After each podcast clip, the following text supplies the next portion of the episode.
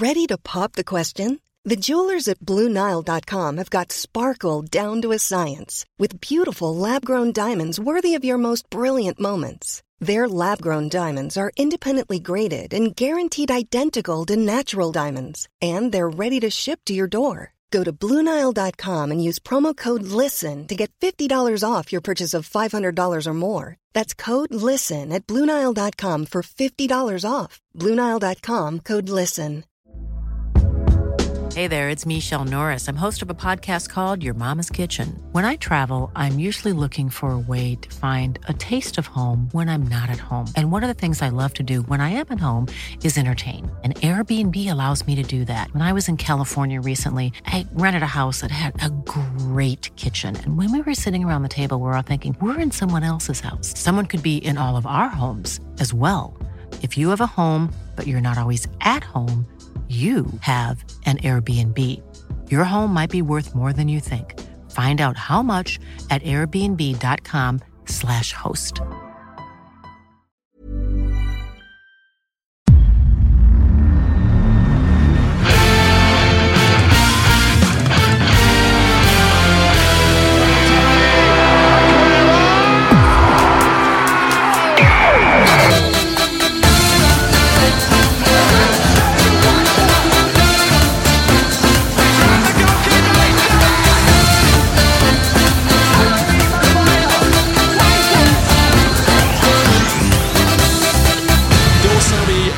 Igen! varmt välkomna tillbaka till ett nytt avsnitt av Rule Britannia. Vi har eh, packat ihop nio tiondelar av en matig Premier League-helg. Det väntar lite måndagsfotboll från London, Crystal Palace mot Chelsea. Men vi har eh, i stort sett här på Vissla söndag kväll återigen Fabian fått se Manchester United sätta ner foten. Det var folk som tyckte, det var ju en del av vår trippel borta den här helgen, att de i alla fall inte skulle förlora. Och eh, då pratar man om att nu har eh, Fabian slagit huvudet. Men eh, det är ju faktiskt jag som ska ta ansvar för att jag inte trodde att ni skulle förlora i alla fall. Alltså, jag gillar att du vill börja ett poddavsnitt med att stoltsera över att du har gjort en trippel som alltså inte satt. Ja, men Jag är jävligt stolt med hur jag har spelat den med tanke på att väldigt många dömde ut just United-delen i den. Men det var min glasklara kristallkula som ändå såg er åka till Villa Park och eh, markera er comeback i världsfotbollen. Alltså det, det jag ifrågasatte var ju liksom när man kollar på statistik. Svanen kommenterar den här för Sportscoms räkning. Så jag, fick ju liksom, jag visste ju att Erik Ten Hag förra året mot topp 9 på bortaplanen tog två poäng på nio matcher. Den här säsongen, vet inte, men på, på 13 matcher antagligen, jag tror han har tagit två poäng. Så jag tror han har torskat alla matcher mot liksom övre halvan på bortaplan den här säsongen. Nej, han tog fan poäng mot Liverpool, så det blir en poäng i alla fall. Eh, så, och vi har gjort två mål på de här sex matcherna den här säsongen. Så på 15 matcher noll vinster och åka till Villa Park. Villa som är väl ligans bästa hemmalag med 15-1-1 de senaste 17 hemmamatcherna. Så det är klart att det fanns underliggande siffror att liksom känna sig skeptisk till den här. Och jag fick, jag fick fan mycket hat, både på Britannia DMs och privata DMs. Bara, nu har du tappat det, nu har du hybris med United. Jag bara, det är inte jag, det är inte jag nej, nej, nej, men det var, jag, jag har ju som sagt, jag har satt Aston Villa under lupp och eh, jag var helt säker på att eh, det här skulle bli utfallet. Det, det hade ju också varit ett eh, läge, nu har ni ju fem poäng upp till eh, Aston Villa. Hade ni då, nu ska vi vara matematiker här, ni hade haft eh, tre, tre mindre, ni hade stått på 38, de hade vunnit, gått upp på 49, då hade det alltså skilt 11 poäng mellan Villa och United. Jag ska bara vänta, jag ska Alltså, bara, ja jag fick samma. Det var bra. Du, du fick samma Ja. ekvationen. Ställde du upp den eller hur kör du? Liggande stolen? Eller vilken kör du? Ja, ja. Pythagoras sats kanske? Ja, ja. Använder jag. Nej, nej, nej. Jag fanns, ekvationen är jag svag på eh, år efter man skrev högskoleprovet och, eh, och eh, gick ut gymnasiet. Fan, jag läste fan företag, en kurs i företagsekonomi jag gjort, men lite matte där. Men annars är man, fan vad svag jag är på ekvationen när man närmar sig 33-strecket. Matematik är en uh, färskvara Verkligen. av sällan skådat slag. Vi uh, vill återkomma till Villa Park, men eftersom vi är en uh, podd som gillar smaken av blod så uh, har vi dessutom från söndagsunderhållningen tagit eh, med oss eh, Timmy Gummesson också, vår favorit West Ham-supporter, som fick se Declan Rice sätta körspärret på Hammers-tårtan när han dunkade upp 6-0 i eh, bortre krysset. Hur, hur fan mår du idag? Alltså, det här är nog topp fem värsta dagarna i mitt liv. Just att det är Arsenal också gör mig så fruktansvärt arg. I mitt liv också. Jag, jag, väntar så här West Ham-supporterskap och sen kommer det alltså, i topp mitt fem liv. värsta matcherna man har sett. Ja, men alltså, vad i helvete var det där? Vill du, äh, det kanske blir lite för privat att liksom köra hela din ranking där på dina topp fem värsta dagar i livet. Det känner vi bara. Men, men, alltså, men det kan ju hur, tänka er.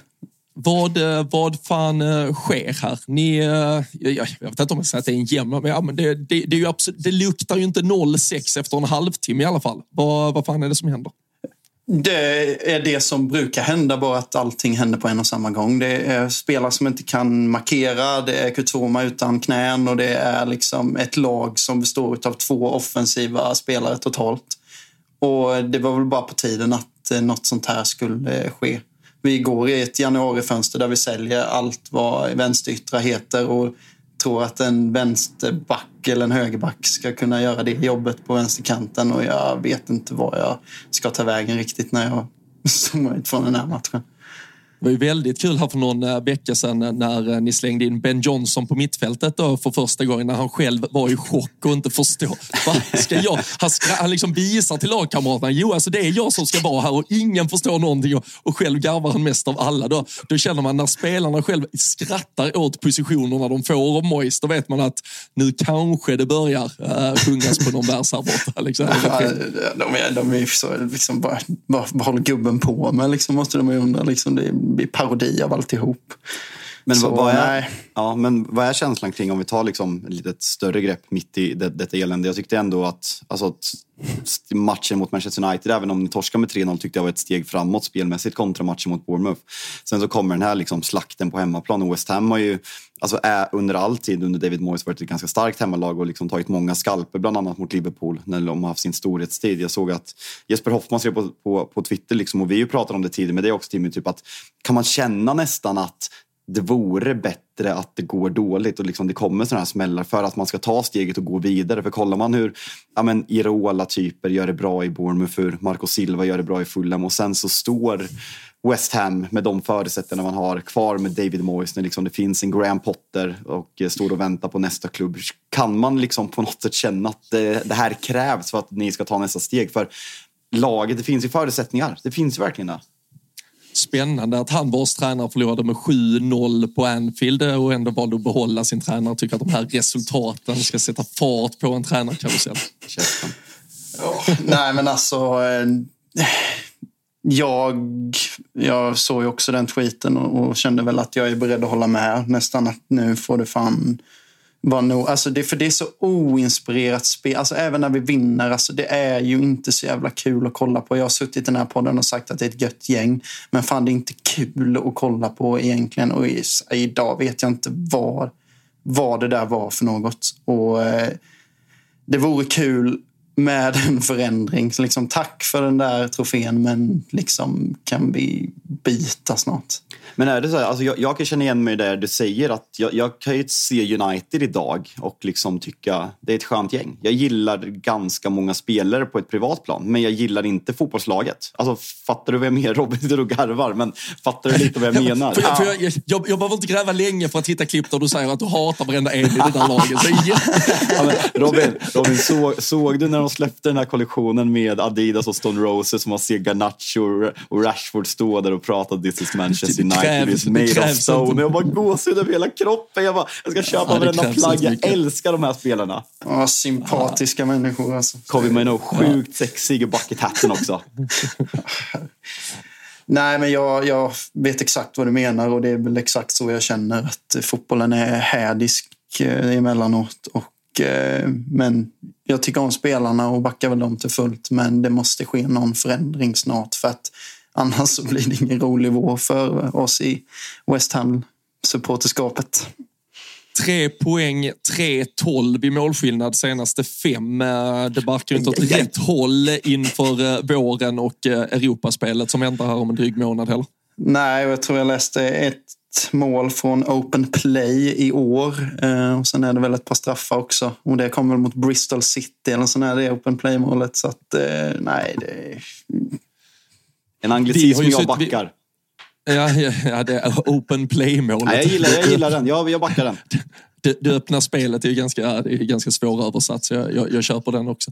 Um, Calvin Phillips-värvningen har vi uh, suttit och pratat lite om. Jag, jag garvade ganska rejält till hans första 35 minuter. Är det mot Bournemouth ja, han gör dem? Va? Stämmer. Och, uh, och sen då hur det har, ja men den icke-utväxlingen det har blivit på den värvningen. Han pratade ju ut här för någon, om det var i någon av helgtidningarna kring hur tufft han har tyckt det var med Pep Guardiolas kommentarer. Det var ju vikthån hit och dit och såklart varit nere i den där frysboxen. Men han bygger ju inget case eh, kring sig som spelare här om att han borde ha förtjänat mer i Manchester City, eller? Nej, och det jag inte förstår heller är ju att vi tar in han på lån utan någon, det var ju oklart här huruvida det var en köpoption eller inte, men vi tar innan på ett lån säsongen ut och står ändå där och säger att nej, men han har inte spelat sen maj, han behöver tid, han behöver komma i form. Ja, men lagom till när han är i form, då är säsongen slut och då har vi blivit av med honom. Liksom.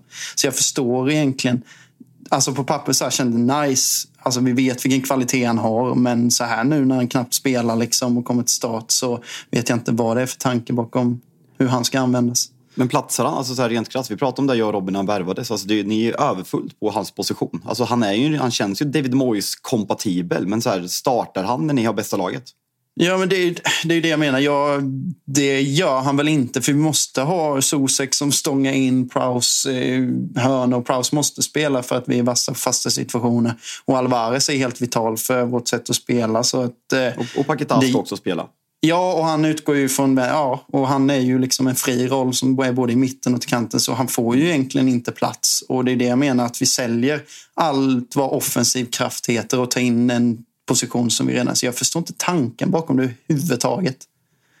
Nej, det, det, är inte, det, är inte ett helt lätt eh, pussel att lägga.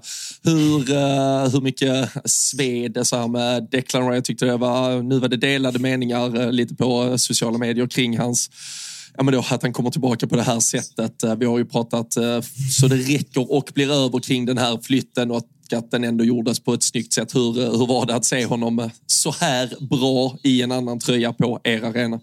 Alltså jag vill ju säga att jag inte kunde bry mig mindre, men jag blir ju så jävla förbannad med de här Arsenal-fansen och supportrarna som häng, alltså privat som skriver till mig och att liksom så här, oh, Rice, välkommen hem igen och typ så här liksom. Och det är så fruktansvärt irriterande. Och för att de tror att det är en spelare som blivit bra när han kom till Arteta och det är så fruktansvärt naivt att ens tro något sånt. Eh, jag älskar Declan Rice. Snacka inte skit om mitt andra lag nu, hörru du. Jag älskar Declan Rice och allt han står för, men eh, ja, jag kunde inte bry mig mindre om han gjorde mål eller inte idag. Tyckte du, uh, var han uh, rent av uh, bäst i det där Arsenal-laget idag? Eller vem, vem i det, allt mörker, var det någon du tyckte förstörde mer för er än någon annan? Mm. Ja, jag kommer alltid, han är alltid bäst i alla matcher jag har sett Arsenal spela. Men det är också, det är bara jag som kanske tycker det. Men nej, han är överlägsen tycker jag. Mm. Något, eh, Fabian, eh, något mer att tillägga från, eh, från West Ham-perspektivet från den här matchen? Eller ska vi låta... Ta, ta namn, ska vi låta Timmy uh, slicka sina sår i lugn och ro uh, medan vi går vidare? Alltså man känner sig som en vidare människa, men som sagt uh, vill folket ha blod så ska de blod få. Så jag tycker att vi fick, alltså, det var ändå topp fem värsta dagarna i hans liv. Och då har han ändå fått dricka lite öl på retro vägen Så uh, då, då vet man att uh, det var en jobbig förlust. Jag tycker nästan att vi, att vi släpper honom där så att han får, uh, ja men en söndagkväll. För, förut klassikern, så här, Söndagsångest var ju Beck-filmen på fyran, men de kör inte det längre va? Du kan se nya Beck-filmen, ganska bra faktiskt. Jag såg den i Det kommer jag absolut inte göra.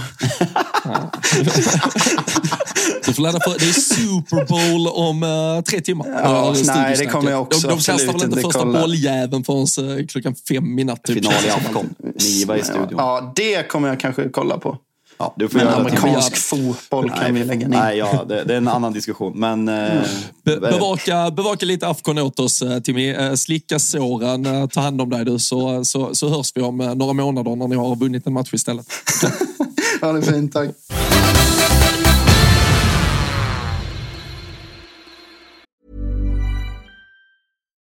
When we're on a budget, we still deserve nice things. Quince is a place to scoop up stunning high-end goods for 50 to 80% less than similar brands. They have buttery soft cashmere sweaters starting at $50, luxurious Italian leather bags, and so much more. Plus, Quince only works with factories that use safe, ethical, and responsible manufacturing.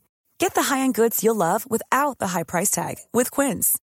Go to quince.com slash style for free shipping and 365-day returns. Hiring for your small business? If you're not looking for professionals on LinkedIn, you're looking in the wrong place. That's like looking for your car keys in a fish tank. LinkedIn helps you hire professionals you can't find anywhere else, even those who aren't actively searching for a new job but might be open to the perfect role. In a given month, over 70% of LinkedIn users don't even visit other leading job sites. So start looking in the right place. With LinkedIn, you can hire professionals like a professional. Post your free job on linkedin.com slash people today.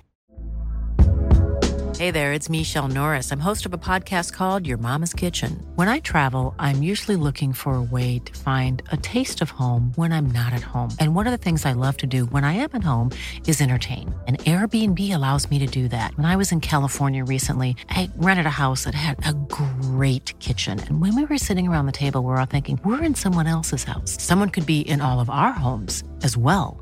If you have a home, but you're not always at home, you have an Airbnb. Your home might be worth more than you think. Find out how much at airbnb.com/slash host. Ja, topp eh, top fem sämsta dagar eh, i livet. Det är klart det är, det är, klart det är ett, eh, ett statement, fast samtidigt också ett ganska bortskämt liv känner man. Timmy är ung och oförstörd när det här kvalar in Alltså på topp 0-7 mot fem-listan. Liverpool. 0-7 mot Liverpool är ju nivåer värre. Ja, det, är- det är ju nivåer i supporterskap liksom. Ja. det är, med, med det är mätt. Men att det då ta, ta, kvalar in på en eh, topplista i liksom livets eh, sämsta dagar. Det, det är klart att det har varit ett eh, förhoppningsvis ändå ljust liv för Timmy så här långt. Men eh, jag West Ham perspektiv. Ja, men snabbt vi, eh, nu sitter massa Arsenal-supportrar och är irriterade att vi inte pratar Arsenal. Och det ska vi nog kanske, ska vi strunta i att prata? Nej, jag skojar. Vad heter det? Vad har vi för, har vi en spontan topp trea, eller topp två om du inte kommer på tre, värsta supporterdagar? Alltså mina supporterdagar. Uh, Wolves hemma eller måste vara högt upp? Ja, men alltså de är, de är ju svåra. Alltså, jag har ju Alltså, två... Jag, jag, har, ja, men jag har ju jag har ju två, så, jag har ju två Wolves där jag stått i sista omgången. Den ena, den sista är ju värre. Alltså när Ja. Aston Villa, Aston. Villa har 2-0 och man hör surret, man hör radion på, eller man står själv på läktaren och vi jobbar in vårt ledningsmål och de samtidigt börjar eh, tappa allting. Robin Olsen, för evigt, persona non grata i mitt liv. Alltså, eh, det, det är så jävla klappuselt. Sen, sen är det ju ja, Champions League-finaler och så, men alltså, men jag, jag, har Liverpool, nu får du fan hjälpa mig, har vi någon sån där vi liksom pang, alltså åkt på någon sån 05 hit och dit? Fast de, är inte, de är inte på min topp tre. De är inte ens nära. För det blir så, här, det blir så överlägset så att det är svårt att ta in. Fattar du Ja. liksom hur jag menar? Alltså så här, för mig, den, alltså Agüeros eh, mål är ju överlägsen etta. Alltså det är mitt livs Ja, värsta ju- supporterögonblick. Nej men alltså jag, jag grät. Alltså jag, jag, jag, alltså just det här med hopp. Alltså så här, hoppet är ju det farliga. Jag hade inställd på att United skulle torska ligan, att City skulle slå QPR hemma. Eh, Det var liksom skrivet Ja. i, i sten. Men sen 1-4 hemma på Old Trafford 2009 mot Liverpool är där uppe eh, när vi slog som ligatiteln. Då, då, då brann jag. Sen eh, Champions League-matchen mot Real Madrid hemma, Fergusons sista säsong när Rafael blev utvisad. Och, nej, inte Rafael, Nani blev utvisad. Bayern München åttondelsfinal 2010 när Nani ble, eh, Rafael blev utvisad. Fan, jag blandar ihop dem. De är så här, ja, så här matcher som jag bara ja, men brinner av. Alltså, så här, jag kan inte hantera mina känslor och bara vill mörda Alltså, saker. inte, det, är, ju- inte supporter, men- den 1-4 som då är din, eh, bland dina värsta, alltså, det är ju en vecka där Liverpool gör, vi gör 4-1 på Old Trafford, vi vinner med 4-0 mot Real Madrid i Champions League. Jag, bef, jag befinner mig på, alltså, jag, har hängt med ett par polare ner till Alperna för en skidresa där jag absolut inte åkte skidor en enda gång. Jag hyrde inte ens skidor. Utan Jag, jag, jag, gjorde bara, jag gjorde bara afterski i en vecka och så fick jag de här två matcherna. Alltså, det, det, ja, det, Det, det, det, var, det var bra fest kan jag säga, den veckan. Robin, Robin Bylund, 22 år. Fy fan. en mörk tid i mitt liv. Fy fan. Nej, det var ljust. Fan vad kul man hade. Helvete vad kul man hade. Vet vi Så mycket idag? vet, man. Vet vi vad idag förresten innan vi kommer in på Arsenal? Nej, det var comeback. Det var comeback på fotbollsplan. Det, det surras lite ute, ute i fotbollssverige om en eh, mittback som klev in och stängde igen Ja, jag spelade ju mittback i en trebackslinje för första gången i mitt liv. Nej, men det stängdes igen. Eh, käftades lite med deras spelare, det var kul, hetsade igång lite. Kom fram en motståndare efter matchen och hånade mig för United och frågade hur det gick med säsongen. Så det var ju också kul. Man kan inte ens spela matcher utan att bli hånad längre.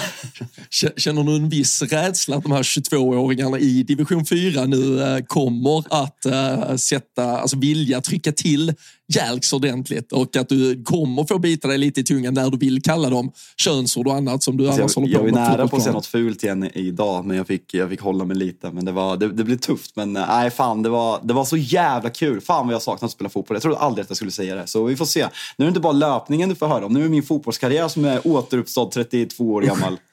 Usch, usch, usch. Det, det, blir en lång vår på alla sätt och vis. Än längre efter att jag skickade printscreens i morse till eh, vilken jävla fotsnedsättning jag gjorde i eh, fantasy igår. Och eh, sen så satt du med Saliba, Gabriel och Saka idag. Det ja. var en illa vald morgon att skryta om min fantasyframgång.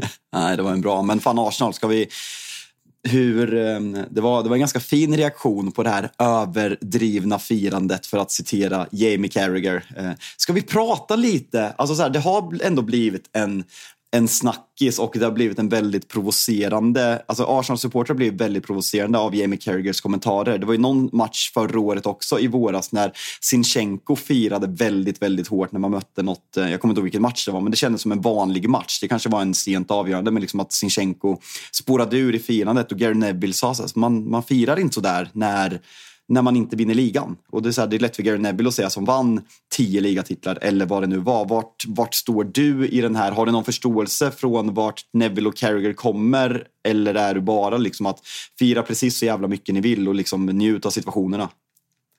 Jag, jag tycker egentligen de ska, de ska fira hur mycket som helst. Jag, jag tror, jag tror att uh, vinster bygger vinster och, och, allt det här där folk pratar om att ja, men åka ur en kupp och så uh, går ni och vinner nästa. Så, alltså ba, bara vinna och, mm. och, bara mjölka den jävla känslan hela tiden. Jag tror det är svinbra. Jag tycker Arsenal gör rätt. Sen är det ju, alltså, det ligger ju i supporterskapets natur att vi då som inte är sympatisörer till Arsenal ska kanske göra oss lustiga över det. Och så ska man komma sen och säga att ah, haha, det sket sig ändå. Men vi har väl, det har vi väl landat i jävligt många gånger i den här podden också, att supporterskapet samtidigt är just drömmandet, eh, känslan av att någonting kan hända. Kan detta vara året? Eh, du om någon kan de senaste åren eh, liksom, gå till ditt eget supporterskap och inse efter tre omgångar att nej, detta var inte året i år heller. Jag hade det hela min jävla barndom. Så varenda jävla gång man har en säsong där det här kanske faktiskt kan vara året så tycker jag man ska bara leva ut det till fullo. Och eh, jag tycker inte Arsenal ska be om ursäkt för att de firar på det sättet jag gör, utan jag tror snarare att det, det fortsätter bara bygga på relationen med mm. supportrarna. Att eh, fan, alltså let's give it a go. Sen får vi väl se hur fan långt det, det går och eh, allt det, det har ju blivit, det har ju gått inflation i det här att man ska säga att lag eh, att, man, att det sket sig fast att man hade försprång. Och det kan man väl säga sen, men jag tror inte det det, det handlar om att du, de tar inte ut en seger i förskott, men de försöker bygga en men, en relation i samband eller i symbios med sina supportrar om att de är på väg mot något och ingjuta det i hela truppen. Mm, nej, alltså, jag, jag håller med dig i sak. Sen tycker jag att det blir lite, och det kan väl jag känna lite så här, alltså nu, nu kanske jag tar mig själv på alldeles för stort allvar, men jag kan känna att folk ibland blir lite överdrivet provocerade av vad både du och jag tycker och andra supportrar för att de vet att du och jag håller på Liverpool och Manchester United, exempelvis som en Chelsea-support om vi pratar om Chelsea eller om vi pratar om Arsenal. Och jag tror att det är lite samma med, med Carragher här. Lyssnar man på vad han han säger så är det lite att så här, ja, men man ska fira så här. Alltså man ska verkligen fira när man vinner ligatiteln. Det liksom blir någon så här, inte small club mentality, men det ser så här. Alltså City, City firar ju inte så där när de vinner, för de är vana att vinna. De är vinnare. Är du med på skillnaden? Men jag köper liksom att man går igång på det. Men jag kan tycka att reaktionen blir för stark mot pandit som liksom säger en sak i en studio. Man ska hänga ut dem. Jag tycker att det blir för överdriven reaktion mot, mot experter. Och liksom så här, hade vi inte haft experter som tycker saker. Jag tycker både Gary Neville och Jamie Carragher Gallagher fantastiska. För de, de har bra personkemi, de vågar tycka och de är liksom, ja, men kanske lite dåliga på att kritisera sina egna lag och liksom gå på andra, absolut. Men just den här att vill man ha folk som inte säger någonting? Vill man ha folk som säger liksom 1, X, 2 hela tiden? Vad fan, det är känslor som är supporterskap för mig. Och liksom, jag vill inte ha pandit som sitter i en studio och inte säger någonting som inte upprör mig. Så jag tycker bara att det är positivt att man liksom vågar sticka ut. Och sen att man blir upprörd på det här, det, det, det, är väl fint på något sätt också. För det visar att man bryr sig och vill försvara sin klubb. Nu, nu ordbajsar jag, men lite så känner jag ändå. Ja, ja, eh, ja och den, den delen håller jag helt med dig i. jag, jag tycker att de, de, de bidrar någonstans till det. Alltså jag tycker man ska, man får nog zooma ut ibland, andas lite, läsa vad det har, li, lite mellan raderna, läsa in det i en kontext och så liksom, ibland tar de en axelryckning och också förstå var, var de kommer ifrån, vad de eventuellt vill skapa med vissa uttalanden. Men för att bara då sätta det i relation Arsenals då eventuella lite överdrivna firande de senaste veckorna. Var det ens så jävla överdrivet? Alltså bara nej, nej, men det tycker inte jag heller. Men, men också. Nej, men sen som du säger då, Manchester City, hade de gjort det? Nej, men Manchester har ju, de har ju också vunnit. Alltså, de har ju verkligen vunnit. I Arsenal ja. så måste du kanske lära dig att vinna. Alltså, då, får väl, då får väl en ligaomgång i 23 omgången mot Liverpool vara ett steg på vägen. Att, ja, men det här var någonstans en final på vägen. Då får vi in en vinnarmentalitet, en vinnarkänsla. Så det, det tycker jag fan ändå man ska, ska pusha på. Sen, eh, sen har det ju varit eh, clinch då i eh, de eh, väldigt eh, så här eh, Liverpool-skadade leden kring huruvida det var Liverpool-inspirerat allt firande efteråt. Så det är väl framförallt där det kanske då har blivit en, en ytterligare dispyt eh, supportergrupperingar emellan. Har du lyssnat på intervjun med Curtis Jones? För en kompis med, jag la ju upp den på, på Twitter och lite, lite öppet mål eh, får, får, man ändå lov att säga. Men det var ju en, jag snackade med polare, han bara, men journalisten försöker få honom dit. Men liksom det han säger, alltså jag har bara sett klippet och han låter ju helt världsfrånvänd. Han låter helt dum i huvudet för att liksom tala klarspråk. Men liksom, är det lite taget ur sin kontext att liksom journalisten drar honom dit eller vad, hur, har du sett mer än bara highlights nej, nej, klippet? Eller? Nej, och grejen är, alltså, det är ju inte en journalist, det är ju eh, alltså, Peter McDowell som jobbar på LFC-TV. Alltså, så ah, det är ju okay. Liverpool själva som liksom skapar detta, vilket, eh, vilket känns eh, jävligt dumt egentligen. Och, uh, du, du har ju du har ibland varit lite försiktig då i din Victor Nilsson Lindelöf-kritik. Men Curtis Jones kan jag, jag har ju också hört rykten om att han är riktigt jävla stendum faktiskt. Så det, jag känner att vi kan konstatera det gemensamt. Det, det är också därför jag har haft jävligt svårt väldigt länge att acceptera honom som fotbollsspelare. Men där, där har han fan ändå överbevisat eh, under den här säsongen. Och eh, det, det, det är väl inte förtal att jag ändå är ute här och trycker till Curtis Jones tycker jag. Men Nej, alltså det, där, där blir ju Liverpool, där, där blir, går Liverpool upp i sin egen röv för mycket när man väljer att uh, publicera och producera content på den nivån. Det be bara Curtis Jones hålla käften. Ni har förlorat mot Arsenal. Då ska vi inte säga ett skit om vad Arsenal gör faktiskt. Vi ska bara hålla käften och se till att göra bättre kommande veckor innan vi börjar snacka. Fan, du vet det här. Vi gör så här. Det är kanske inte alla som har hört det här klippet, så vi, vi ber Kalle att uh, klippa in det här så lyssnar vi på det helt enkelt.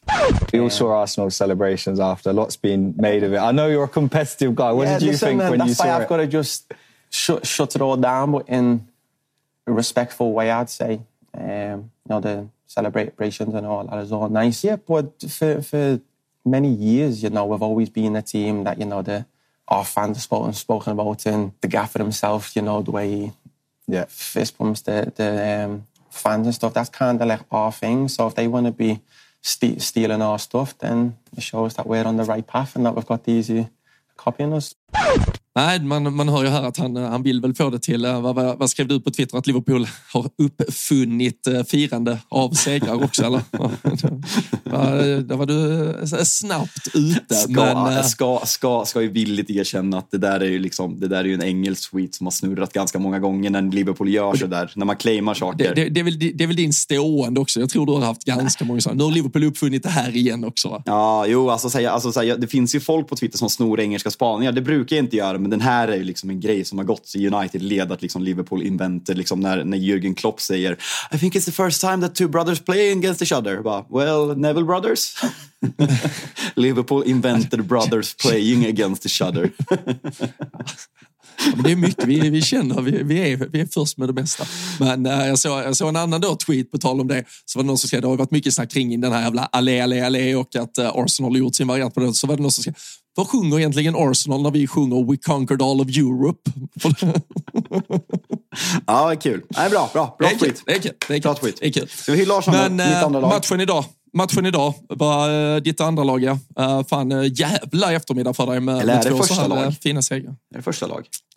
Alltså, nu ska du fan, nu ska du, nu får du upp hoppet. Du ska börja jobba Champions League-plats för ditt första lag. Så du kanske ändå måste bry dig lite om dem. Positiva Micke gav oss 25 procent att komma topp fyra eh, för en halvtimme sen efter vinsten. Så Odds, uh, odds med, han ska ju ha bättre, man kan inte slänga sig med sådana procentsiffror utan att eh, kolla upp lite närmare egentligen. Nej, men Men, d- äh, där, där jag ville komma in, att jag kom in på det här eh, Celebration Gate, eh, var ju liksom för att eh, Arsenal, vilket jävla svar på matchen mot Liverpool. Alltså vilket jävla svar. Först matchen, alltså vi har ju suttit och ifrågasatt Arsenal ganska länge den här säsongen och känt att det så här inte är samma flärd som det var förra året och liksom ifrågasatt Kai Havertz rollen kanske framför allt. Offensiva samspelet mellan Saka, Martinelli och Jesus. Nu har man först Pallas-matchen, kör över Liverpool fullständigt och sen åker till London Stadium och vinner med fucking 6-0. Det är så fruktansvärt imponerande och jag hade ju räknat bort, det kändes liksom, det här kommer stå mellan City och Liverpool som det har gjort väldigt många av de senaste säsongerna om man bortser från förra. Men Arsenal visar nu, även om man har klart tuffast schema av de tre lagen, nu, nu, nu är man på riktigt, nu, nu går man för det här och det är jävligt kul. Jag hoppas verkligen att det är ett eh, tre hästar race. Tre hästar race är inte heller bra. Four, three horse race är mycket bättre. Det tänkte Ja, jag till, men- det låter ju inte bra. Nej, men alltså, tre, där, där kör man nog bara trelagsrace, låter ju bättre. Ja. Skit i hästjäveln Ja. när, vi, när vi översätter. På tal om hästar, så här, så att- sponsrad av ATG.se.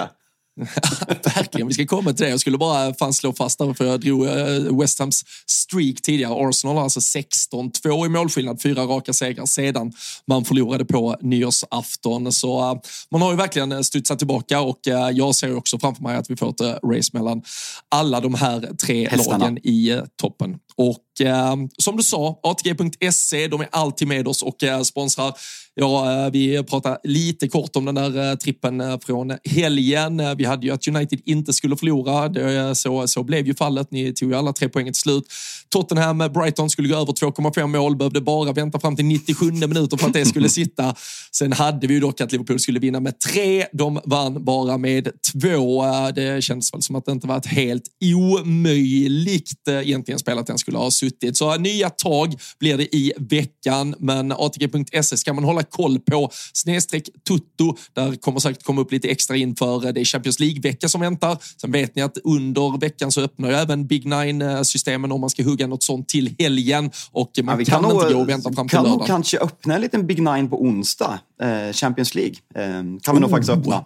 Så åtta Mm. rätt i helgen. Så, och tänk på det som Robin sa, de säljer slut fort. Idag, i den här veckan tog de slut redan på torsdag, så det gäller att hugga dem, framförallt i helgen. Onsdag tror jag att man kan, men eh, håll, eh, håll utkik på atg.se slash. Exakt, ATG.se slash tutto. Man ska vara 18 år fyllda om man ska spela. Skulle man ha problem med spel eller om någon i ens omgivning skulle ha det så finns stödlinjen.se. Vill vi, vill vi lyfta något speciellt förutom att det är en liksom kollektiv jävla dunderinsats eh, och att man eh, trycker eh, till gasen här. Någon spelare du tycker sticker ut, eh, Bukayo Saka. Det har varit lite snack så att säga, men eh, fan vad han har svarat upp till det senaste tiden. Ja, verkligen. Sen den här matchen, alltså, typ Sakas andra mål, det är ju klass. Men liksom, vad fan gör West Ham? Alltså Declan Rice, som Timmy säger, är ju helt fenomenal. Jag tycker att, fan, har, har man reagerat så jävla mycket på hans inläggsfot? Alltså hans fasta situationer? Fy fan vad bra han är. Alltså, så här, det är inte vanligt att den... Han ses ju som en sexa. Alltså han är ju mer tvåvägs än de klassiska Fabinho och Rodri-typerna. Rodri har blivit lite mer offensiv, det snackade vi om förra veckan. Men ovanligt med en sån jävla... Alltså, servfot på en sån spelartyp. Nej, men leveransen de har från eh, Ödegård och eh, Rice med, med varsin fot där från om man går höger eller vänster och den typen av frispark. Det är ju liknande frispark de gör mål på mot eh, Liverpool i mötet på Anfield. Den här, alltså när det, Alltså just när de hittar in, de piskar in den precis bakom backlinjen och Saliba och Gabriel är ju dessutom jävla starka på huvudet. Ja, alltså Gabriel är kanske hela ligans bästa huvudspelare, säger jag bara på uppstuds. Alltså offensiv. Alltså, man tar, ja, jo, där är några stycken. Harry Men, eh, Maguire! Fy fan, ja, kommer vi till. Fick, fick folk ont i öronen. Jag får be om hur han ursäkt. vinner, vinner bollar som landar på danska fötter och så Trodde du vidare. som Men, vart eh, player of the match? eh, nej, det gjorde jag inte. Harry. Maguire! Oh, fy fan. Och då såg det ändå jävligt illa ut i det där mittförsvaret eh, en, en bit in i andra halvlek. Ska vi vara ganska tydliga ja, med. Det gjorde det verkligen. Nej, men Ja. fan med Arsenal. Eh, det är väl liksom, alltså det blir lite så här. Det, Arsenal är för överlägsen i den här matchen så det finns inte så jävla pigga spaningar att göra mer än att bara hatten av och jävligt kul att Arsenal är tillbaka i titelstriden. Och eh, ja, ja, det är mitt, eh, mitt lag. Det är ditt lag. Det är ditt lag. Eh, Det som eh, vi annars har lärt känna som ska vara ditt lag, Manchester United eh, mot Aston Villa här. Vi har konstaterat seger. Vi har konstaterat att det var något så ovanligt som en seger då mot ett lag som på pappret ligger och placerade ganska vettigt i tabellen. Jag har ju varit inne på en viss osäkerhet kring Aston Villa. Jag tycker väl här, och- men samtidigt, för nu blir man lite repig. Du var inne på att du inte tyckte West Ham kanske var så dåliga på Old Trafford senast och att ja, men så här, det var egentligen en ganska jämn match. Samtidigt vinner ni med 3-0 i slutändan. Här tycker jag igen egentligen under söndagskvällen att vi kan argumentera på att Aston Villa är ganska bra, stundtals bättre än Manchester United, men att ni vinner på någonstans ändå avgörande kvalitet på vissa spelare medan Aston Villa kanske slarvade lite, eller slarvade lite, men, ja, men mister lite i skärpan i avslutslägen. Men samtidigt så är det ju nu tre raka vinster oavsett om det har sett så jävla bra ut eller inte. Någon form av karaktär. Vi pratade lite om det i Chelsea, hur man studsar tillbaka, att man ändå visar att man ville spela för tröjan eller tränaren eller vad fan man nu vill spela för. Manchester United har ju de senaste veckorna ändå bestämt sig att man, man spelar i alla fall för någonting just nu och eh, det, det ger ju resultat. Alltså vi pratar om ett formstarkt Arsenal. Vi vet vilka som eh, placerar sig en position över Arsenal på, i formtabellen de senaste sex matcherna. Men sex matcherna så kanske ni då kan eh, komma tillbaka ovanför dem. För då räknar vi in Arsenals två förluster där från eh, Jajamensan. omgång fem och sex tillbaka. Så lite taskigt eh, tycker jag kanske. Eh, Men statistik, eh, det är väl bara det som egentligen kan ljuga mer än eh, förbannade lögner. Ligans tredje formstarkaste lag, Manchester United. Men Jag tycker, att du, eh, jag tycker att du gör en jättebra analys. Och så här, vi behöver inte bli så jävla långrandiga om den här matchen egentligen. Jag är jätteimponerad över det du säger att jag kan liksom sitta och känna att jag tycker Aston Villa är jättebra i den här matchen. Jag tycker att de är klart bättre än, alltså så här, ser man spelet den här matchen så tycker jag att Aston Villa är klart bättre. Sen blir det lätt att man sitter och bara kritiserar Manchester United. Då får man gå tillbaka till slutet av december när Aston Villa på, eh, under samma vecka pulveriserar Manchester City. Inte resultatmässigt men spelmässigt på den här arenan. Och sen slår Arsenal i en tuff match men en rättvis seger. Det är en jävligt tuff arena att, att komma på, eh, att, att komma till. Det Manchester United gör, alltså det, det, om jag ska vara lite negativ och liksom klassisk Fabian Jalkemo, realistisk, eh, pessimistisk supporter, så blir det ju mer och mer Ole Gunnar Solskjärs Manchester United för varje match som går. Vi, liksom, vi ger övertag till alla lag i stort sett och vi är nu är vi ju bra på att ställa om. Det är kul att se när Manchester United ställer om och liksom ett centralt mittfält med Kobe Mino och eh, Casemiro. Jag tycker inte att det fungerar defensivt. Jag tycker att vi är obalanserade och, och eh, för offensiva med framförallt Kobe medan Casemiro förväntas städa själv, vilket han inte har fysik eller kvaliteter till eh, i februari 2024. Eh, Bruno Fernandes är överallt och ingenstans och tappar väldigt mycket boll. Men när vi ställer om på Marcus Rashford, Rasmus Höjlund och Alejandro Garnacho, då satan går det undan. Och när vi kan slänga in Scott McTominay på sättet vi gör, det är inte första gången det händer. Och det är ingen slump, för det är karaktärsspelare och det är spelare som alltid kommer kunna avgöra matcher. Och det kommer ta ett lag väldigt långt. Kommer det kunna ta ett lag till att vinna titlar? Eller kommer det kunna ta ett lag till att utmana Manchester City, Liverpool eller Arsenal? Nej, det tror jag inte. Men just nu så är det väldigt mycket positivt kontra vad vi har sett den senaste tiden. Och jag väljer att eh, ta med mig det från den här matchen helt enkelt. Det är nästan lite komiskt, eh, eller det är ju väldigt mycket komiskt att ni la en miljard på Anthony. Det har vi pratat om till så det räcker och blir över, men att ni nästan också ger bort typ Anthony Elanga gratis när han faktiskt är en, en jävligt bra omställningsspelare. Jag såg det. Alltså Nottingham är ju bäst i ligan på omställningsspel. Jag tror han legat, legat bakom, antingen gjort själv eller då varit eh, assistläggare till sju omställningsmål den här säsongen. Han hade ju egentligen varit ganska bra att avlasta Garnacho med sista 20 i den här typen av att om det nu är så här ni ska spela fotboll. Sen är väl förhoppningen och tron att det inte är så här ni ska bygga ert långsiktiga spel. Men just nu egentligen den här säsongen så hade ju faktiskt Anthony Langa kunnat göra det ganska bra i det här sättet att spela fotboll. Ja, alltså mycket bättre än, än, eh, än eh, Anthony. Som sagt, lågt hängande frukt att hoppa på Anthony och jämföra honom bara för att liksom, ta in Anthony Langa. Men jag, jag, jag hör dig och jag håller med. Och det är liksom signifikativt för Uniteds transferverksamhet de senaste åren. Eh, vi behöver egentligen inte gå dit. Jag, alltså Villa, eh, jag vet att du håller dem under lupp, men jag tycker inte att man kan bedöma för mycket i den här matchen. Jag tycker att man är stundtals svinbra. Eh, Onana Onana är så konstig. Alltså, rent krasst gör han ju en supermatch. Alltså, han räddar United oh, konstant. Men han känns ändå dålig. Alltså, fattar du vad jag menar? Men det är ju, han, han har ju en räddningsteknik som släpper bollar rakt framför sig som ja. inte känns tryggt. Det, alltså, jag utgår ifrån att han, så att säga, i alla fall i sitt huvud, har full kontroll över många bollar. Men det ser så jävla halvdant ut eh, många gånger. Sen som du idag gör han ju en riktigt bra match så, så han ska ju ha beröm godkänt för vad han gör här. Men eh, det är inte alltid att det ser helt stabilt ut. Nej, men det är det som är så konstigt också med målen. Men jag vill ju ha liksom trygghet. Alltså van der Sar, jag är lite för ung. Liksom, jag kommer ihåg Peter Schmeichel, men det var liksom inte att jag satt och kollade. Jag var åtta år när han lämnade. Men liksom van der Sar, han var inte spektakulär, men han var alltid så jävla stabil. Han behövde inte slänga sig. Jag kommer ihåg att jag var provocerad av Iker Casillas alltid klasser som världens bästa målvakt. Jag bara, men han, han behöver slänga sig, han gör tv-räddningar, han ser spektakulär ut. Det är därför folk tycker att han känns bra. Men van der Sar behöver inte göra det, för han står rätt. Liksom, och liksom, han behöver knappt slänga sig för att han är så jävla stabil. Det är så här, jag vill ha en van der Sar målvakt. De, de Gia var väl lite för dålig med fötterna, men han var också så här, en trygghet fram till kanske sista åren när liksom tiden kom ifatt honom. Men jag saknar trygghet. Och det liksom, även om han är bra idag så känns det liksom som att han gör en dålig match, vilket känns helt, eh, helt sjukt. Och det jag, om jag återvänder till det jag sa med Ole Gunnar Solskär, eh, referensen att vi känns som det. Det är därför Harry Maguire är ganska bra i det här spelet. Vi står djupt, han mm. får nicka bort bollar.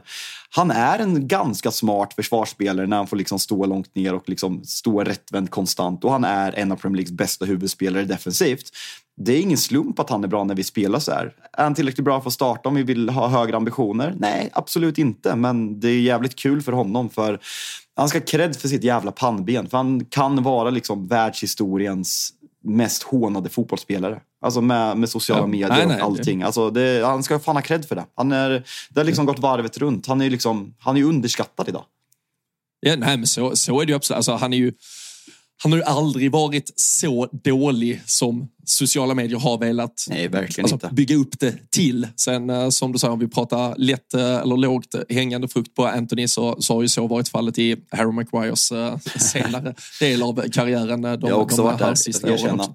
Det, det, är du nog uh, inte ensam om som sagt. Men uh, Scott McTominay, så sjunde målet den här säsongen. han hade, innan den här säsongen hade han två mål på 70 matcher. Vi har ju dessutom i poddens linda pratat om hans jävla ja, men körning i det skotska landslaget också. Um, nu, nu slänger ni på. Alltså, helt briljant komplementspelare att ha ju. Eh, på tal om spelare som kanske inte ska starta om man vill sätta någon form av ny kurs framåt. Men eh, nog fan eh, är det helt magiskt av den här typen av spelare att kunna kasta in.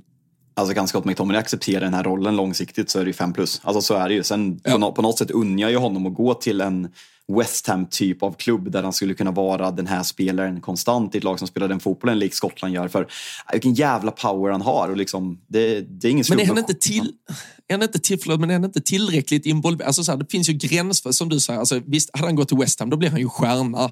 Men är det inte helt okej? Okay? Ah. Alltså, gör, gör, du, ja, men gör du tre inhopp i United per säsong, då är det klart du som fan du bör leta efter. Men borde han inte kunna få så pass mycket speltid så att det är en rätt så nice trupproll att ha. Det finns ju trots allt gränser för vad, alltså, hur, vad, du, vad du själv känner att du har som kvalitet som fotbollsspelare, var du befinner dig i näringskedjan och hur mycket det ändå slår högre att vara i en klubb som förhoppningsvis för er del med tiden bör kunna utmana om större saker än ifall man någonstans kapitulerar för om säger, toppfotbollen och mm. väljer att ta ett kliv neråt. Alltså McTominay som en rollspelare i Manchester United känns väl givet framåt egentligen. Alltså det är, ju spekulativt, men liksom känslan är att om vi bara leker med tanken. Hade United varit på, där Liverpool är, då tror jag att det är lättare att acceptera en sån roll. Är det ett lag som liksom kör jojo mellan tredje och eh, åttonde plats, då är det så här, ah, är jag inte heller en stjärna i ett lag som är nia, kanske kommer sexa någon, någon och liksom tjäna lika mycket. Jag vet inte, han, han har ju varit med Manchester liksom extremt länge, egen produkt även om han är skotte. Så liksom jag hoppas att hans kärlek till klubben liksom gör att han accepterar en sån här roll. För nu, nu älskar man honom och liksom man, man känner ju typ när han kommer in i en sån här match. Han kommer att avgöra. Och Dalot, mm. Dalot ska vi också hylla. Nu, nu behöver vi inte prata med United, men Dalot tycker jag verkligen senaste tiden har varit eh, riktigt bra och inlägget till McTominays mål är faktiskt eh, helt fenomenalt. Ja, det är ruggigt. Fan, blir 28 år McTominay. Det är en karriär som har puttrat på och försvunnit alltså, ut, i, folk, ut i intet när vi väl summerar jävla, Folk är så jävla gamla. Alltså, det är ju för att man själv ja. har blivit gammal. Jag har ju svårt att ta in att jag är gammal. Ja, ja men det, det, kommer du känna imorgon med tanke på att du spelade fotboll jag spelade i bara 45. Dag, i alla fall. Jag gjorde en trend, ja, bytte ut stjärnorna i paus vet du. Helt rätt. Vi, vi hade en jävla lördag som eh, inleddes på eh, Eastlands med City Everton. Följdes upp med ett eh, knippe matcher, då, en handfull klockan fyra och så Nottingham Newcastle. Vart, vart vill vi gå från det smörgåsbord som fanns från lördagen? Så vi börjar prata lite norsk anfallare som var tillbaka. Du himlar med ögonen. Han var det. Han var det. Hur, hur, hur, känner du? Alltså jag är ju, det är ganska länge sedan jag var i den situationen. Jag är ju snarare i den situationen när, när Liverpool är bra och jag bara så här, nej de kommer vinna. De kommer vinna. Nu är du liksom, du är ju i titelstriden. Vad, ja men typ i 60 minuten eller när de liksom, om det är 70 de, har, har du hopp? Alltså sitter du och halvhoppas eller hur skulle du beskriva dina känslor? Är det så här, när KDB kommer in och bara så här, nej, kört. Nej, nej, alltså verkligen. Och jag, jag har ju sagt att jag i största möjliga mån ska undvika att ens se matcherna. Nu, nu var det faktiskt vi, eh, du, jag och uh, vår eminenta klippare och andra klippare, både Kalle Nilsson och Ingo som firade namnsdag, var ju på, vi hittade till slut något trevligt ställe där vi satt och käkade och kollade, efter kollade lite matcher. Efter hittade vi ett ställe. Efter, efter många om och men, absolut. Men så, det var också en sportbar där tv-apparaterna var överallt, men de hade inte startat en enda tv-apparat efteråt. Så vi, vi slapp ju se Manchester City och eh, när det stod 0-0 i paus då kände man så här, alltså, okej, okay, de kommer ändå köra över den. Så kollar man ändå statsen. De hade ju inte haft typ något skott, men de hade inte gjort någonting under den där första halvleken. Och då får man ju upp det lilla hoppet. Sen såklart, när de startar tv-apparaterna när det har gått 60 minuter, då inser man, okej, okay, nu kommer man få se skiten här istället. Och där tog det ju fan inte många minuter innan de dunkade dit Så det är ju så här, Alltså det, det, är ju, det är ju alltså just igår, när vi tittar också hur målen faller, så är det ju faktiskt en match som City kanske hade kunnat eh, tappa. Det, det är ju lite flyt, det är lite medstuds på den där bollen som dimper ner på Håland. Sen, sen vet vi vilken kvalitet han har i det läget. Det sista 2-0 målet är ju från en situation där Everton egentligen har ett inläggsläge uppe offensivt, typ men, tio sekunder tidigare, tappar en jävligt dum boll, omställning. Och alltså sen Håland, det, det är ju något vi kan diskutera i egen. Men just när han fäller ut den bommen som man gör på det 2-0 målet, där, där, är han ostoppbar. Där är han så jävla överlägsen i världen på att hålla undan sin försvarare och sen rulla in den. Ja, det är, ja, fy fan, dansk dynamit emot. Och, och när man också ser så här, när de skrev eller någon sa där, ja, det är hans första mål sedan november. Då har han alltså gått, han har gått hela december, vad fan, där pratar vi ju 6, 7, 8 matcher eller någonting. Januari, visst, inte så jävla många matcher.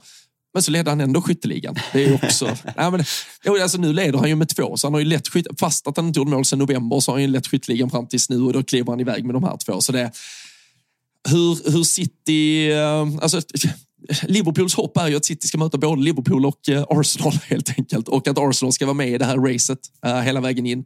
De här andra lagen, alla lag, alltså fem och ner i alla fall, de kommer städa dem så jävla stenhårt tror jag. Everton då, ett av Premier Leagues formsvagaste lag för tillfället. Eh, alltså, det, det, känns lite som att det var, liksom, för att citera Thomas Stenström, andas in, andas ut. Att det, liksom, det kändes klart.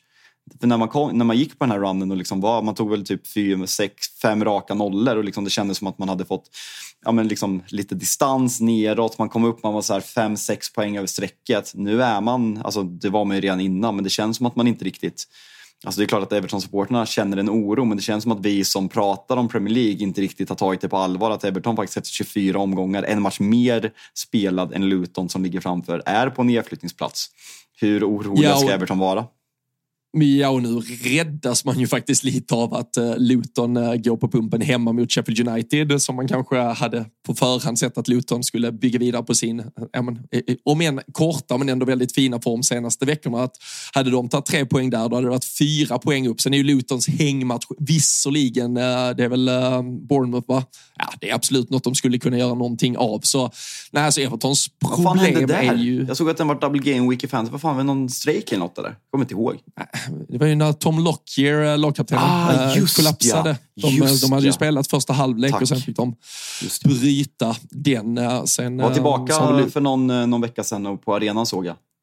Ja, exakt. Alltså, i, i, i, han är väl i liksom, tillräckligt vä välmående fysiskt, men fotbollsspelande lär väl, lär väl dröja länge. Men, men som du säger, alltså Everton, det är ju, det är ju riktigt illa just nu och det är ju framförallt alltså, målskyttet framåt. Det, det görs ju inga mål. Nu, nu gjorde man två mot det, ehm, Tottenham förra helgen, men annars är det, man är mållösa de eh, fyra och fem senaste matcherna. Och eh, alltså där finns ju ingen, alltså Calvert Lewin det, vad, vad, är det nu sen? Är det tre år sedan, fyra år sedan, fem år? När, när var det, det han ändå väl... kändes lite het? Det är pandemisäsongen. Det här är väl den typ, tredje eller? säsongen eh, som, han, eh, som han är dålig eller skadad. Eh, så det är liksom två och ett halvt år nu tror jag. Eh, om jag det är ja. känslan jag har. Innan det var han ju riktigt bra. Men sen har han ju bara varit skadad. Det var samma med Patrick Bamford, känns ju likadant. Sen hade han kanske bara en bra säsong medan DCL har visat under en längre period. Men det här är ju jätteoroväckande för, för Everton och man måste ju verkligen, det är viktigt att man man är så extremt beroende av vissa spelare och de måste liksom men... komma upp i nivå. Onana måste in i den där och starta varenda match och Calvert Lewin måste liksom leverera. Det, det är jätteviktigt för alltså fan, Alltså kollar man på mittfältet de har ställt upp, jag så här, kollar matchen mot Spurs nu. Ashley Young, Ghana Gay, James Garner, Dwight McNeil och Jack Harrison framför. Det är inte bra Robin. Nej, men alltså jag, jag tittar nu, jag var tvungen att gå in på Calvert Lewin. Alltså denna säsongen, tre ligamål. Förra säsongen, två ligamål. Säsongen innan dess, fem ligamål. Sen är det 2021-säsongen. Det är som sagt det är pandemisäsongen. Jag där jag har 16 och eh, säsongen innan dess 13. Bläddrar vi ännu mer bak, då är det sex, det är fyra, det är ett. Alltså han har två habila säsonger om vi ska vara ärliga. Alltså, vilken jävla Bra usel nia han har varit för Everton egentligen. Bra modikon dock. Absolut, han och eh, Tom Davis när de eh, är på, eh, uh, ute och härjar på Manhattan framförallt. Va? Fullständig kör. Det, det hatar alltså, Där blir man ju, fy fan. Liverpools supportrar då, som såklart inte har burit något annat än en track, alltså tracksuit i hela sitt liv och ett par uh, skitta gympadojor när de ska håna Calvert Lewin för att han tar på sig några andra kläder än gympaskor i stort sett. Då, uh, då, då är hatet nära till mina Liverpoolbröder. Ja, nej, det är fint. Vad har vi mer? Vad, eh, vad känner vi Spurs? Eh, vad sa du? Du skickade något till mig. Var det typ fjärde eh, segermålet på, på övertid den här säsongen eller? Ja, det var väl tredje tror jag som är på 90 plus, mm. men, eh, men de har ju visat, eh, de visar ju karaktär. Äh, återigen, det, ordet. Jag, jag uppenbarligen slänger mig med alldeles för mycket i det här avsnittet känner jag. Men, äh, nej, men då, alltså, jag, jag tycker ju, återigen, de är ju slarviga i sitt, sitt spel och sätter sig i dumma situationer inledningsvis i den här matchen också. Och äh, tappar ju den där speluppbyggnaden som leder till någon situation som tilltrasslat, ger bort en straff. Men det finns ju kvalitet. Nu är Son tillbaka, kastas in här. Uh, fenomenal jävla framspelning till Brennan Johnson. Jag, jag tycker Brennan Johnson börjar ta, ta mer och mer kliv. Jag lyfte ju för några veckor sedan att uh, Kulusevski kanske inte kommer att vara så jävla given i den offensiven framåt. Och uh, alltså med, med Son tillgänglig, med Richarlison, med Brennan Johnson, med Timo Werner, med en Madison som ska in i någon tia-roll. Kulusevski kommer inte spela från start vecka in och vecka ut framåt. Alltså det här, vad är det här kallas? Men jag, jag, fick lite, jag gick in och kollade när bytena gjordes exakt nu. Jag får lite hål i huvudet här. Det står alltså att Bentancourt bytte med Son och att Dejan bytte med Bissoma. Så får man inte vet, skriva. Så, så får man nej, inte skriva. Också. Jag, man, man var tvungen att kolla alla. Det är väl trippelbyte till och med? Ja, det är Timo Werner och Brennan Johnson också. Ex, exakt, så man måste ju kolla alla tre bytena för att lägga ihop. Vad har de egentligen satt in ja. för spelare på de olika positionerna? Det, upp, alltså där, på, eh, påbackning där på uh, live-tjänsterna som skickar ut sånt här. Så får man inte skriva det. Vad eh, ska man lägga, alltså så här, Son kommer tillbaka nu från, eh, från eh, asiatiska, så han var väl inte redo för att starta uppenbarligen. Det hade han ju såklart gjort annars. Men vad, vad, vad tror vi om den här front, front fyran som det blir? Richardison som har gjort det extremt bra som nia. Son är ju den mest givna. Madison, Madison och Son ska ju spela. Då är det alltså Richardison, Dejan, Timo Werner och Brennan Johnson som ska slåss om de andra platserna. Det är tajt alltså. Timo Werner har ju det går ju garva åt honom, men fan tränarna älskar honom. Alltså det var ju samma sak med Thomas Tuchel. Jag tyckte ju länge att, det har jag sagt här också, eh, Chelsea, jag tyckte ofta att de var bättre med Timo Werner på plan. Även om han, liksom, om man bara kollar på ögat när han kom till chanser, att han såg jävligt dåligt ut. Men man visste ju att Thomas Tuchel uppskattade honom och det är samma med Postecoglou väldigt fort nu. Att man märker att han uppskattar Timo Werners jobb och pressspel. Fan vad trött man är på tränare som uppskattar pressspel på spelare. Fan! tal om, på tal om Thomas Tuchel och spelare som däremot gör ett lag sämre. Att plocka Eric Dyer till Bayern München har inte varit en dundersuccé. Startade han igår eller? Jajebux, Mattias Delicht på bänken, Dyer mittförsvaret i en treback. Alltså vad har hänt med Delicht? Alltså, det skulle man skriva en bok om. Alltså, han var, ju- Alltså, hans alltså, är, fotbollskarriär är över. är han den mest... Nu får du hjälpa mig. Är han typ den mest uppsnackade mittbacken de senaste tio åren? Alltså när han slog igenom, när, Ja, när han liksom, nu ska den här unga spelaren lämna och det är så här, vilka som helst kan plocka honom. Vart ska han gå? Liksom United var där, nej men det är inte aktuellt. United har inte en chans att ta honom, han ska till något större. Och fy fan vilken flopp det har blivit. Vart har han ens varit? Vart gick han? Jag har glömt vart han gick. Ju, Juventus först ju, Ja, han gick till Juve, Bayern. Så, ja. så, han har ju ändå gjort två, alltså, Just två det, jävla Det dunderflyttar. var, det var Juve under Kvickan va? Sista året med Ja, måste det typ, med. Chiellini. Ja, det är det nog. Nej, fan, Men, eh, nej, men alltså, det, är en sån, eh, det är en sån utförsåkning eh, till karriär och när Bayern München behöver lita på Eric Dyer i mittförsvaret i en Bundesliga-seriefinal där Xabi Alonso satte ner foten. Då jävlar. Det gillar du inte att Liverpool-fansen redan nu firar vår kommande tränare. Jag vart absolut irriterad när jag ser att du har lagt ut en bild på Alonso igår kväll på Twitter och då brann det ju till i huvudet på mig kan jag villigt erkänna.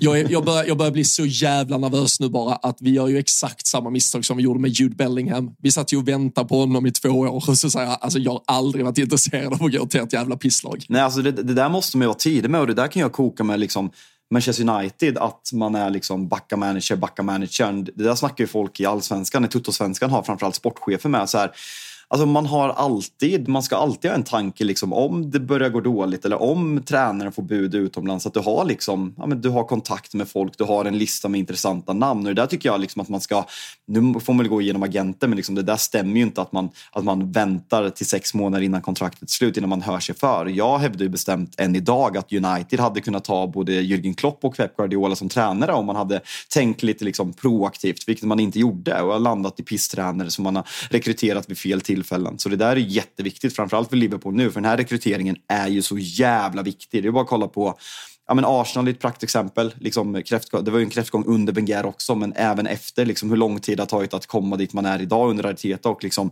mitt Manchester United är ju liksom ännu mer praktexempel. Barcelona, de har inte haft en manager under så, så lång tid, men det är ändå så här ett lag. Alltså det är ju liksom ja, men 09. Pep Guardiola Barcelona var ju där Barcelona som det spanns vidare på så himla länge med liksom Xavi, Iniesta, Busquets, Piqué, Puyol, Messi framför allt. Och det var ju det laget som var bäst i världen i tio års tid oavsett vilken tränare de har. Nu när de ska gå vidare och ta nästa steg med ett nytt lag, se vad som händer i Barcelona nu. Det är så jävla viktigt att sätta tränare när man har gett den situationen som Liverpool har gjort. Vi hade faktiskt en bra diskussion här i Totolaj Live Weekend med du, mig och Kristoffer Svanemar i, i lördag som ligger det här flödet. Så har ni inte lyssnat på det, det, det finns som sagt inte mycket poddar ute måndag morgon när ni lyssnar på det här. Så klicka igång den. Eh, Två timmar njutning. Har ni inte tid, höj hastigheten till 1,5. Funkar också. Så eh, lyssna på det så får ni höra när vi pratar eventuella framtida tränare för bland annat Barcelona och Liverpool som vi kanske fokuserar mest på.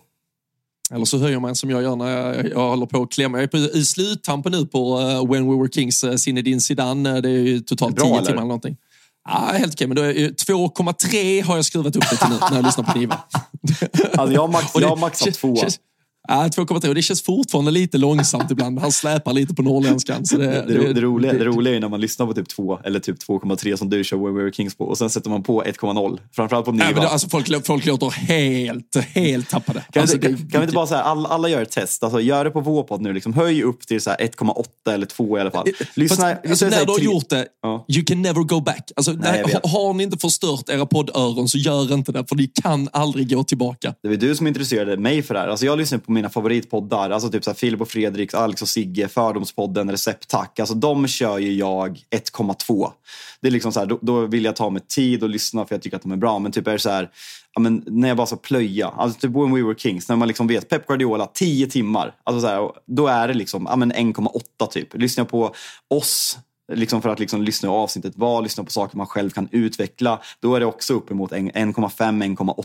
Så det är liksom så här, det, det är så här, ska man plöja eller ska man njuta?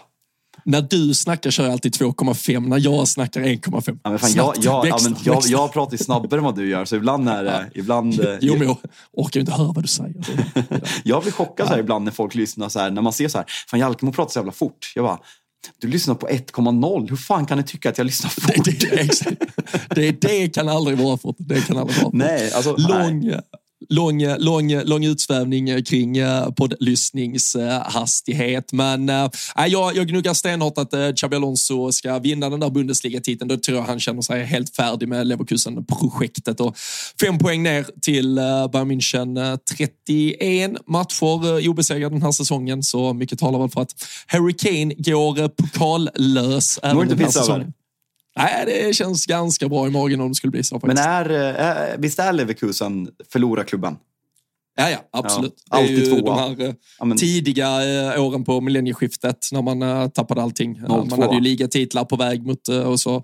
På tal om Zidane, det där jävla drömmålet i Ja, finalen. Det var- Är, är det inte då Balak? Balak, han har ju två sådana säsonger. Han, nej, fan, vad kommer han i VM 02? Han kommer väl tvåa då? Han kommer tvåa. Han är Ja. avstängd i finalen. Så, så kommer han i tvåa med Leverkusen. Sen är det ju säsongen 2008. Då kommer Michel Balak tvåa. Kommer han tvåa i EM? kanske han inte gör. Vilka fan? Nej, 08 är... Spanien vinner ju, men vilka vinner de mot? Vilka fan slår de i finalen? Jo, de vinner nog fan mot Tyskland. Absolut. Han kommer tvåa i EM. Han kommer tvåa i Champions League. Han kommer tvåa i ligan. Han kommer tvåa i Community Shield. Och sen är det, det kan vara... Tvåa i Community Shield. Kan ju fan inte komma något annat. Vet du vad den straffläggningen blev? Det var straffar i Community Shield. Vet du vad den straffläggningen blev? 3-0. 3-0 till United. Ja, fy fan. Det är, men det är något red. Jag tycker det är snyggt när det blir dem ibland. Ja. De dyker upp. Inte, inte jätteofta, men eh, det är kul. Ja, nej, fy fan.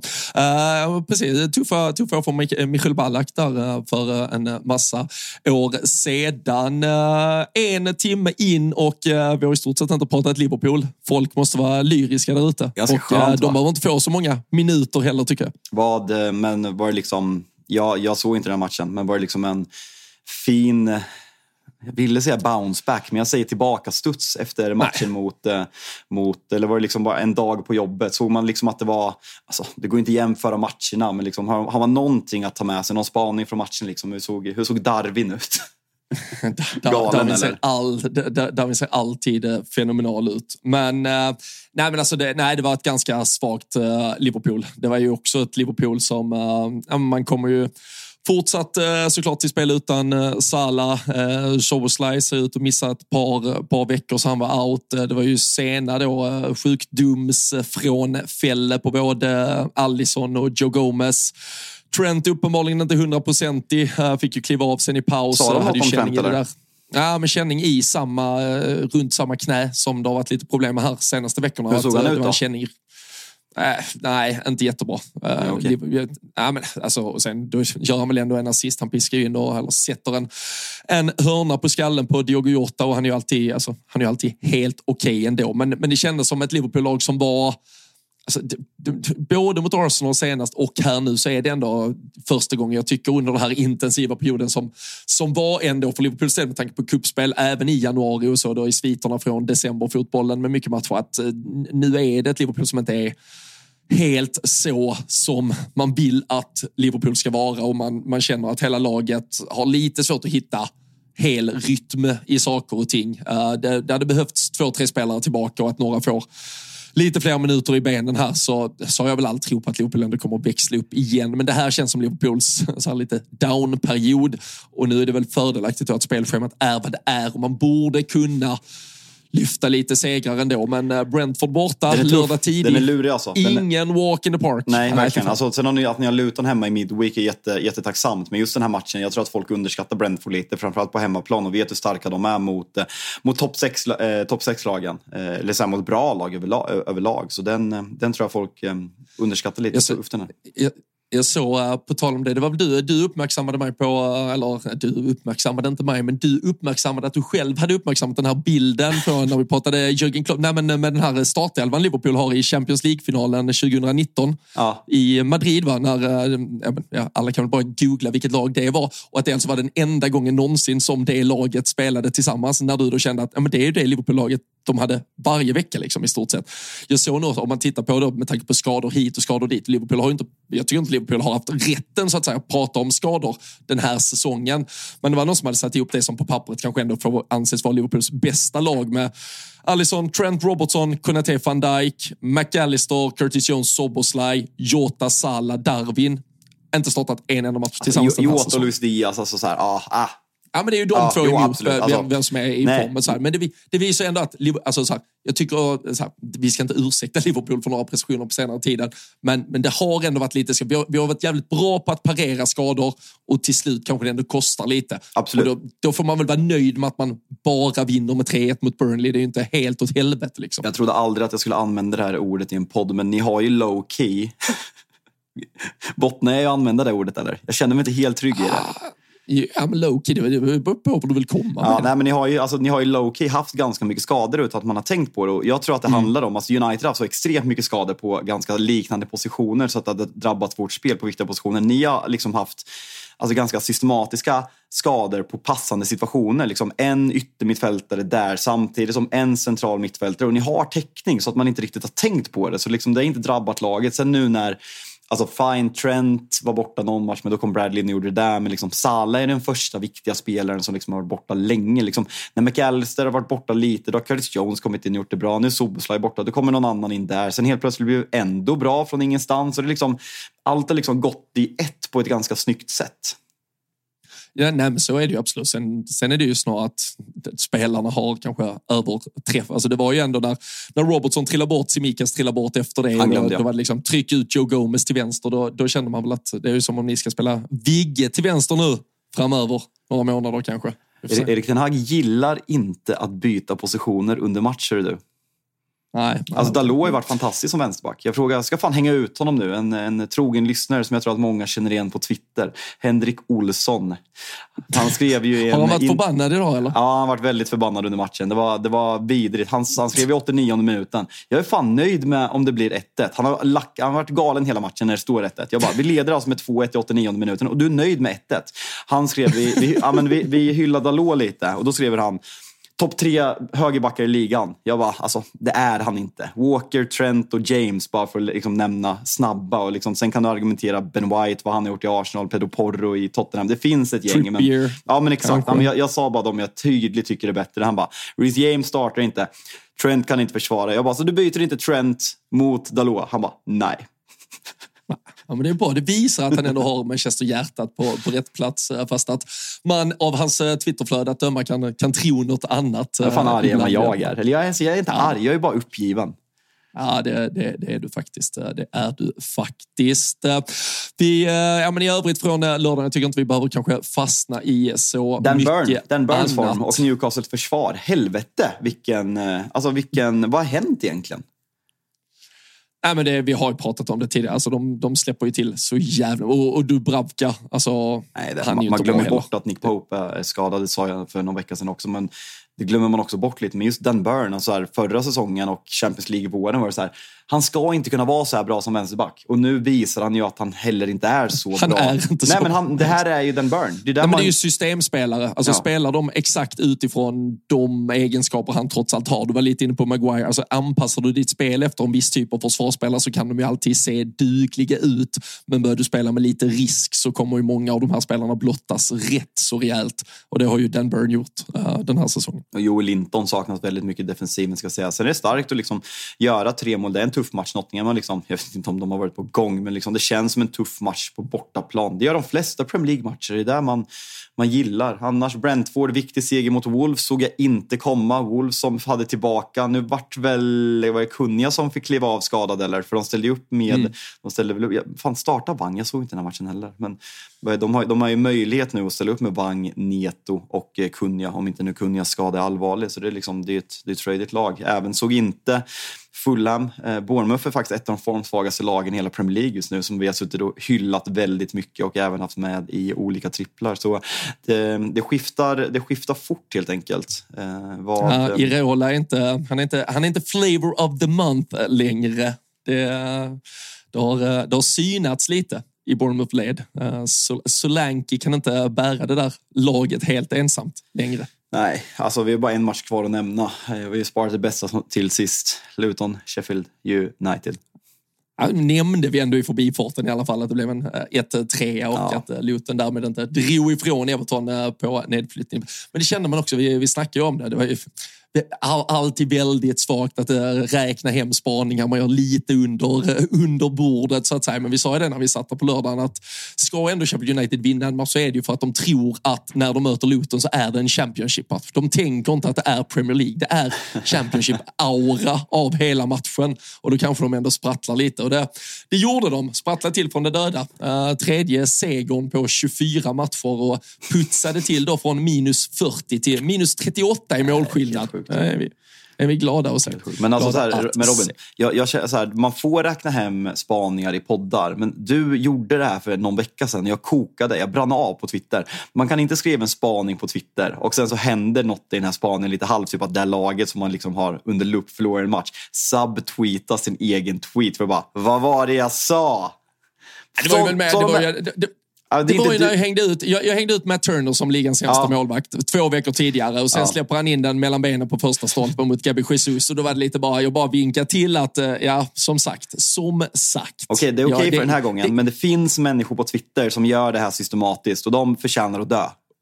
Och, och du, ser, du, du ser dem, du noterar dem och du kommer ställa dem till svars en vacker dag. Ja, nej, men nej, verkligen. Alltså, vidrigt beteende. Sluta bara. Det är fint att avsluta. Jag måste, så här, när jag varit trevlig hela avsnittet, jag måste få avsluta med lite hat.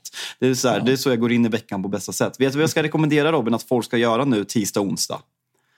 Eh, antagligen ratta in de watchalong-sändningar som väntar. Men jag tycker att du ska puffa för dem mycket mer än vad jag gjorde här. Alltså du har ju rätt och eh, via Tutolaj Weekend så kommer vi köra eh, watchalongs på varenda Champions League-kväll hela slutspelet. Eh, det ligger i Tutolive-flödet på Youtube. Det kommer vara gäng från Tuttosvenskan. Jag tror att jag kommer åka upp någon av dagarna, tisdag eller onsdag. Svanemar Kör är du i studion. Uniteds, eh, kör du Uniteds slutspelsmatcher eller? Vilka, Ja, vilka nej, tar det är dåligt för vår tittning att United... Ja, som sagt, jag, jag glömmer ibland bort att vi åkte ut mot Köpenhamn. City ska alltså åka och möta Köpenhamn som vi åkte ur mot. Det är, eh, det är Tror du det är många svenska, många svenska City-supportrar som ska till parken eller? Vad tror du? Ja, alltså jag har inte sett, alltså det där har jag också hatat på så här, svenska posörer som när man får ett dansk motstånd, ah, då måste vi åka. Och sen när man väl är där, hur många var det? Nej, det var visst inte så jävla många. Det är lätt att skriva på Twitter att man ska åka, sen åker man ändå inte.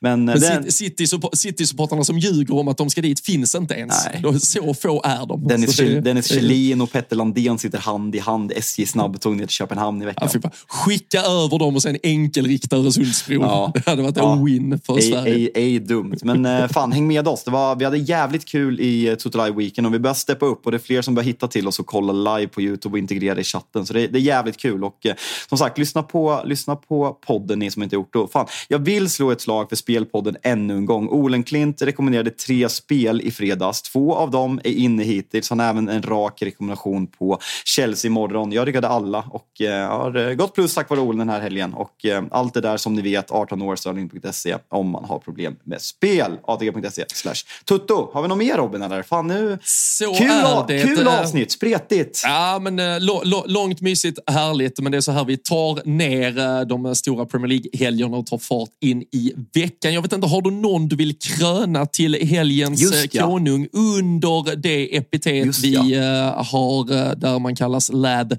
of the Week. Eh, Arsenal-supportrarna var ju, de var ju 13 på dussinet så att Oj. säga om att eh, göra poäng framåt. Haaland satte ner foten med 2-0. Bruno Gimares riktigt jävla bra från Newcastle.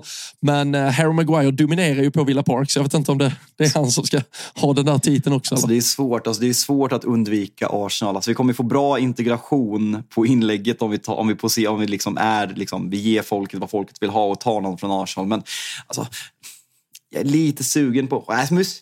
Fem raka mål. Fem raka mål! Ja, men han kan, han kan inte få den när han petar in den i öppet mål, en meter från mållinjen. Nej, men alltså, så här, lång och inte. trogen tjänst. Den långa och trogna känslan. Som dansk behöver man göra mycket mer för att ta sig in på den här listan. Men eh, det känns, är det inte Declan Rice som eh, åker tillbaka Jo. till eh, West Ham Jo. och gör två assist, ett drömmål och sådär respektfullt som man såklart förväntade sig firade han lite stillsamt också. Men det känns som han ändå är symbolspelaren för det Arsenal som var och pulveriserade West Ham. Jo, men jag, jag gillar den. Sen, det, det blir väl ganska lätt. Ska vi ta Full of the Week Timmy eller? det, det då blir ju måndagen topp sex hans värsta dag i livet. Alltså det står, mellan, det står mellan Timmy och Mois. Det står mellan Timmy och mig. Ja, åh, fy fan. Vi, eh, ska vi suga på den? Ja. Och eh, så kommer den komma ut eh, måndag kväll. Man kan följa oss på Instagram. Rule Britannia podcast är det som gäller. Jag tycker vi klubbar att Declan Rice ändå får ses som helgens stora kung. Hur vi väljer att trycka till Timmy eventuellt eller inte ännu mer under måndagen. Det får ni följa på Instagram. Kan du lova Häng mig en med sak? där. Kan du lova mig en sak? Om vi, om vi vinner nästa match och Rasmus gör mål för sjätte matchen i rad. Blir han lad of the week nästa vecka då?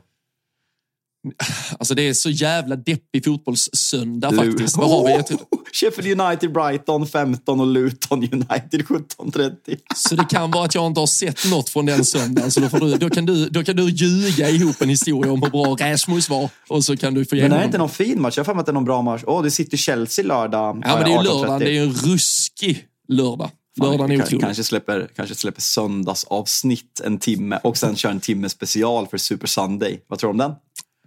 Su- Super Sunday. Det finns ingen som någonsin har satt etiketten Super Sunday på det som väntar den eh, 18 februari. Är de, jag lovar. vad hade vi? Det är de kanske tre för tillfället tråkigaste lagen. Nej, fan. Luton och United är ju rock'n'roll fotboll. Det är- Och Sheffield United formstarka. Det är ju det är ju en Super Sunday. Ja, ja, men det, är- det, är en, eh, det är fin smak. Det är en riktig hipster Super Sunday i alla fall. Vi, eh, vi, vi får se om Kan det eh, vara, Rasmus vänta, får kan det vara den titlar. sämsta fotbollssöndagen genom alla tider i topp tre-ligorna? Är du med nu? Sheffield United, Brighton. Luton, Manchester United. Rayo Vallecano, Real Madrid. Granada, Almeria. Mallorca, Real Sociedad.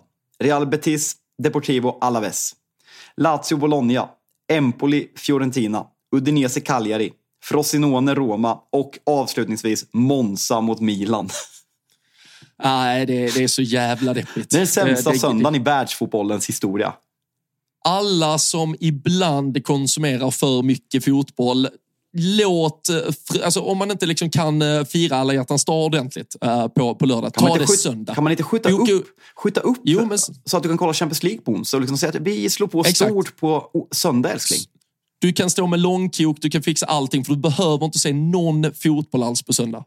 Du kommer inte stå ut. Så nej, skit i fotbollen på söndag. Det är, det är vårt medskick eh, härifrån. Och med de orden också så eh, säger vi att ni ska ha en riktigt skön start på veckan. Vi tackar som vanligt för att ni har lyssnat och ja, innan ni vet, eh, vet om det egentligen så är vi säkert tillbaka i någon form, något format. Vi älskar att snacka fotboll med er. Vi älskar att ni är med oss och vi hörs och ses snart igen.